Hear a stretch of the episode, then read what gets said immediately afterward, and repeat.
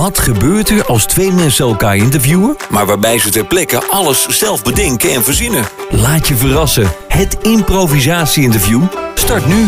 Ja, Petters, jij was erbij, hè? Ik was erbij. Ja. Eh, hoe was het? Ja, het was, eh, het, was, het was leuk, maar koud. Ja, dat kan ik me voorstellen, want de- de wind eh, kwam uit het oosten natuurlijk, hè? Of uit het noorden, no noordoostenwind. Het was noordoostenwind met een eh, krachtje 6, 7 boven. Dus Ja. dat, eh, dat ging er behoorlijk op. En het was vroeg ook, hè? Het was niet eh voor uitslapen. Eh, nee, dat zijn geen gebruikelijke tijden voor mij. Het was half vijf 's morgens. Half vijf. En je kwam op die plek en toen zag je het daar allemaal... ja, hoe, hoe zag het eruit? Waren ze met, met meerdere of alleen?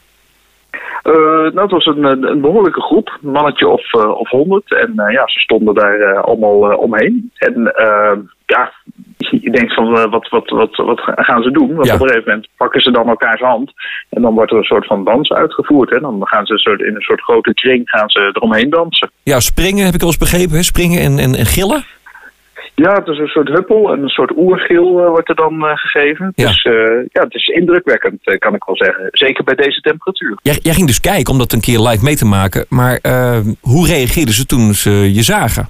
Ehm, ja, dat, eh, ik heb mezelf eigenlijk een beetje verraden. Want ik denk, hier ga ik even een, eh, een, een fotootje van nemen. Want anders eh, geloven de mensen me thuis niet. En eh, daar had ik wel even de flits bij moeten Ja. uitzetten. Oeh, En dat, eh, want eh, toen, toen de flits eenmaal eh, afging, toen, eh, toen, toen was het opeens afgelopen met de oerschreeuw en de oerdans. ja, want ze zagen u en, en toen eh draaiden ze zich om en kwamen op u afgerend of ze zo? Hoe zich- ging dat? Nou, ja, wat, wat er gebeurde in feite, die groep die, die draait zich open in die grote kring. Ja. En, en de, de buitenkanten waaien uit. En in feite sluiten ze binnen, binnen nog geen vijf, zes seconden sluiten ze mij in. En stond ik in het midden. En de opperschreeuwer, was die er ook bij? Eh, ja, die, eh, die, die, die leidde dat. Dus en, en, en blijkbaar hebben ze hier mee, eerder mee te maken gehad. Want die, die gaf één teken. oh, Ja. oh, oh. En eh, nou, dat was voor hen eh, meer dan genoeg om te weten dat, eh, dat ik ingesloten moest worden. Hoe, ging dat? Ja, ze geven die, die, die schreeuw. "Wow!" En dan, Oh. dan, dan breekt dat zo open. En dan, nou, je weet niet wat je ziet. En het gaat zo snel. Ja. Ja. je staat er een beetje verbaasd bij. Ja. Daar midden in die kring van honderd mensen.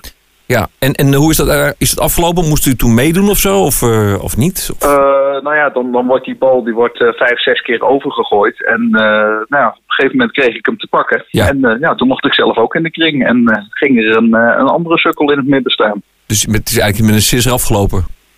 Gelukkig wel, ja. Leuk dat u het heeft meegemaakt een keer.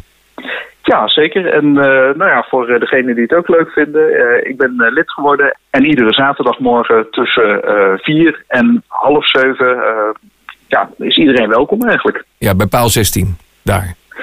Het is paal 16, eh oprit paal 17. Juist, oké. Goed, Bertus, dankjewel voor je tijd. Graag gedaan.